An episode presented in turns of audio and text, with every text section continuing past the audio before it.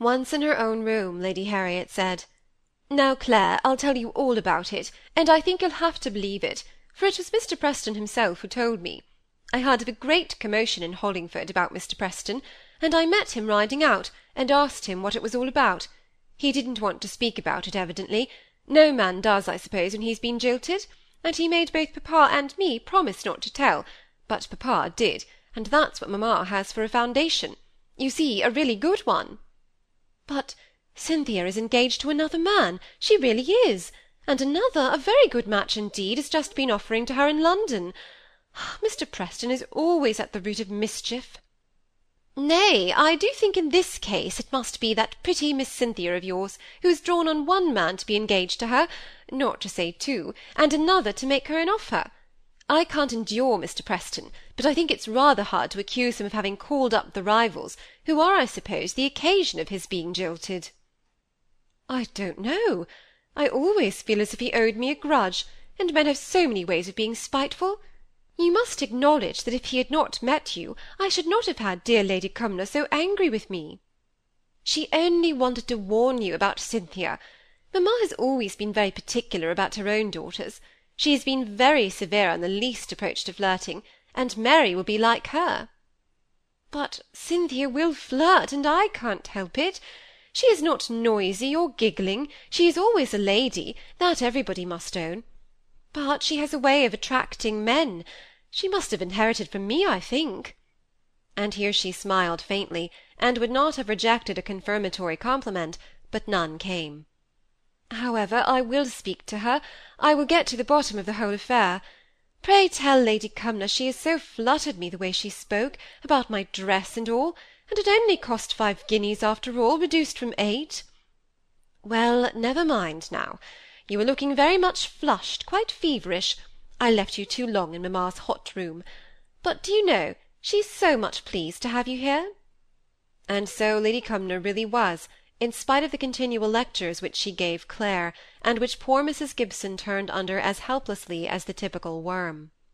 Still, it was something to have a countess to scold her, and that pleasure would endure when the worry was past. And then Lady Harriet petted her more than usual to make up for what she had to go through in the convalescent's room, and Lady Cuxhaven talked sense to her, with dashes of science and deep thought intermixed, which was very flattering, although generally unintelligible and Lord Cumnor, good-natured, good-tempered, kind, and liberal, was full of gratitude to her for her kindness in coming to see Lady Cumnor, and his gratitude took the tangible shape of a haunch of venison, to say nothing of lesser game. When she looked back upon her visit, as she drove home in the solitary grandeur of the Towers carriage, there had been but one great enduring rub, Lady Cumnor's crossness, and she chose to consider Cynthia as the cause of that, instead of seeing the truth, which had been so often set before her by the members of her ladyship's family, that it took its origin in her state of health. Mrs. Gibson did not exactly mean to visit this one discomfort upon Cynthia, nor did she quite mean to upbraid her daughter for conduct as yet unexplained, which might have some justification; but finding her quietly sitting in the drawing-room, she sat down despondingly in her own little easy-chair, and in reply to Cynthia's quick pleasant greeting of well, mamma, how are you? We didn't expect you so early. Let me take off your bonnet and shawl. She replied dolefully, It has not been such a happy visit that I should wish to prolong it. Her eyes were fixed on the carpet, and her face was as irresponsive to the welcome offered as she could make it. What has been the matter? asked Cynthia, in all good faith.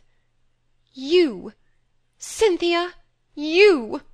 I little thought when you were born how I should have to bear to hear you spoken about. Cynthia threw back her head, and angry light came into her eyes. What business have they with me? How came they to talk about me in any way? Everybody is talking about you. It is no wonder they are. Lord Cumnor is sure to hear about everything always. You should take more care about what you do, Cynthia, if you don't like being talked about. It rather depends upon what people say said Cynthia, affecting a lightness which she did not feel, for she had a prevision of what was coming. Well, I don't like it at any rate. It is not pleasant to me to hear first of my daughter's misdoings from Lady Cumnor, and then to be lectured about her, and her flirting, and her jilting, as if I had had anything to do with it. I can assure you it has quite spoilt my visit. No, don't touch my shawl. When I go to my room I can take it myself. Cynthia was brought to bay, and sat down, remaining with her mother, who kept sighing ostentatiously from time to time. Would you mind telling me what they said? If there are accusations against me, it is as well I should know what they are. Here's Molly," as the girl entered the room, fresh from a morning's walk. "Molly, mamma has come back from the Towers, and my lord and my lady have been doing me the honor to talk over my crimes and misdemeanors, and I am asking mamma what they have said. I don't set up for virtue more than other people, but I can't make out what an earl and a countess have to do with poor little me." "It was not for your sake," said Mrs. Gibson. "It was for mine. They felt for me, for it is not pleasant to have one's child's name in everybody's mouth." "As I said before, that depends upon how it is in everybody's mouth. If I were going to marry Lord Hollingford, I make no doubt every one would be talking about me, and neither you nor I should mind it in the least." "But there is no marriage with Lord Hollingford, so it is nonsense to talk as if it was. They say you've gone and engaged yourself to Mr. Preston, and now refuse to marry him, and they call that jilting." "Do you wish me to marry him, mamma?" asked Cynthia, her face in a flame, her eyes cast down. Molly stood by, very hot not fully understanding it, and only kept where she was by the hope of coming in as sweetener or peacemaker, or helper of some kind. "No," said Mrs. Gibson, evidently discomfited by the question.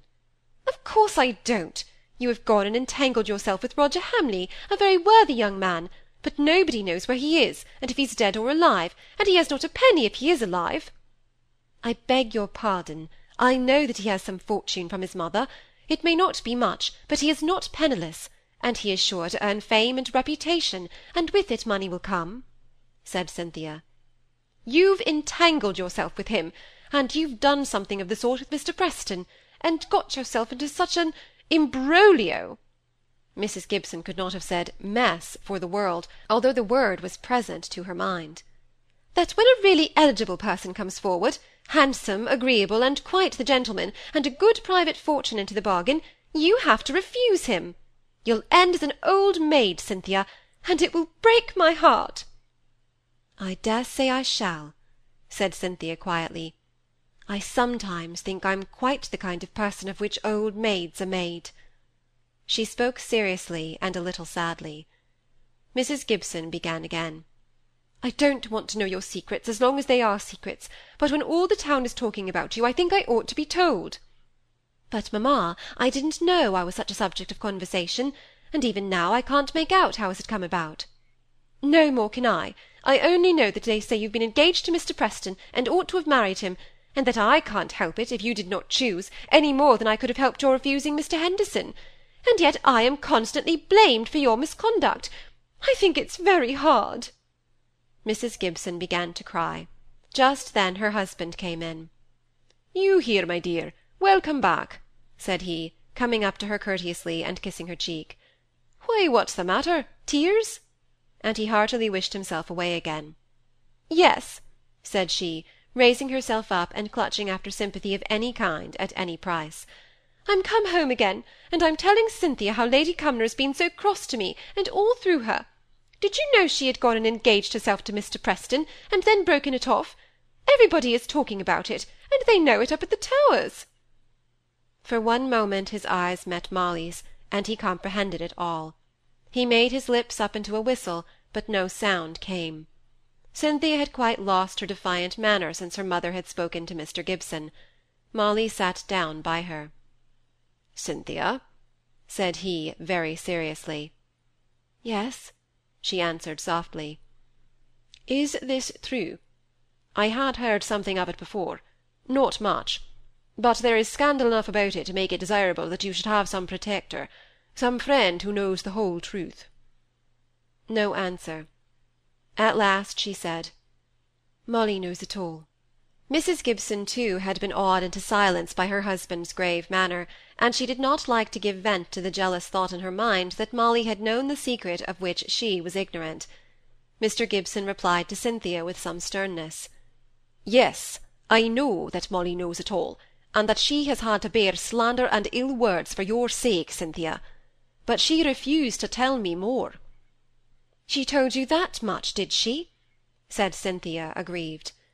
I could not help it, said Molly. She didn't name your name, said Mr. Gibson.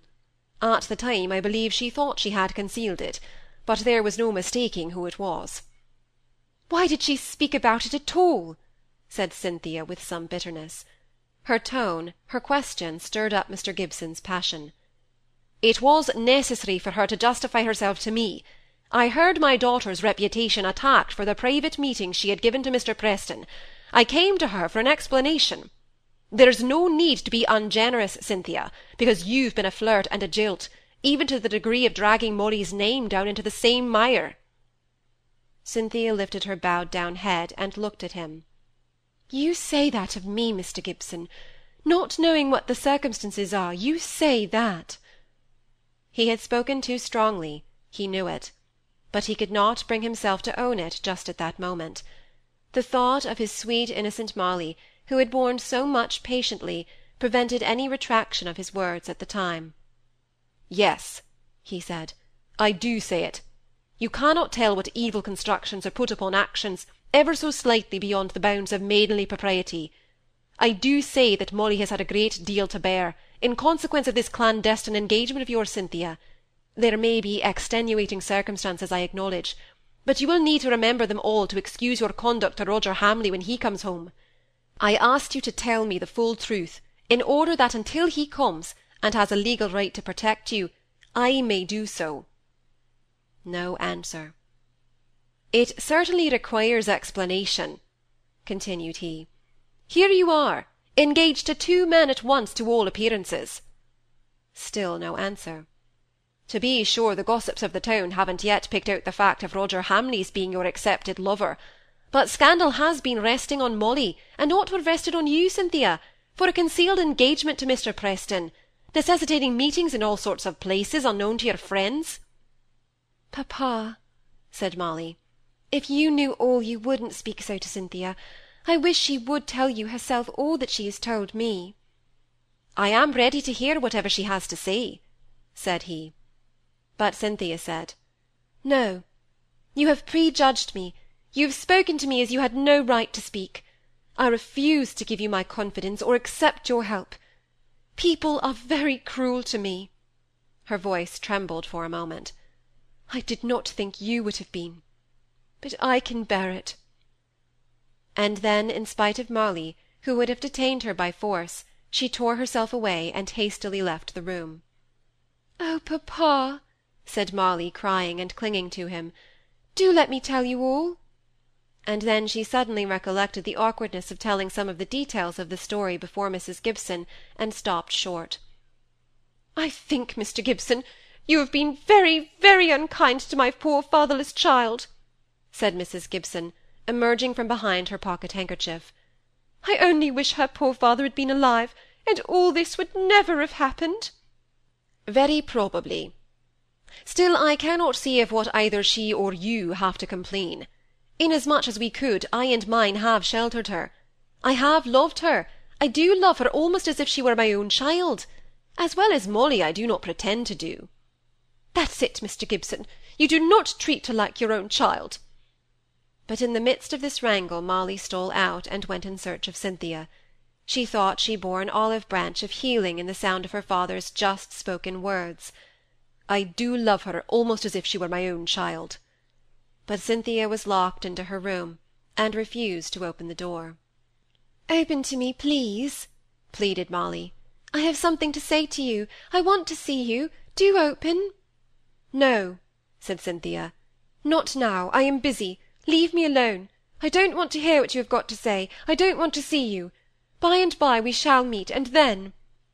Molly stood quite quietly, wondering what new words of more persuasion she could use.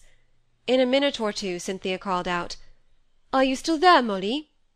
And when Molly answered, "Yes," and hoped for a relenting, the same hard metallic voice, telling of resolution and repression, spoke out, "Go away. I cannot bear the feeling of your being there, waiting and listening. Go downstairs, out of the house, anywhere away. It is the most you can do for me now."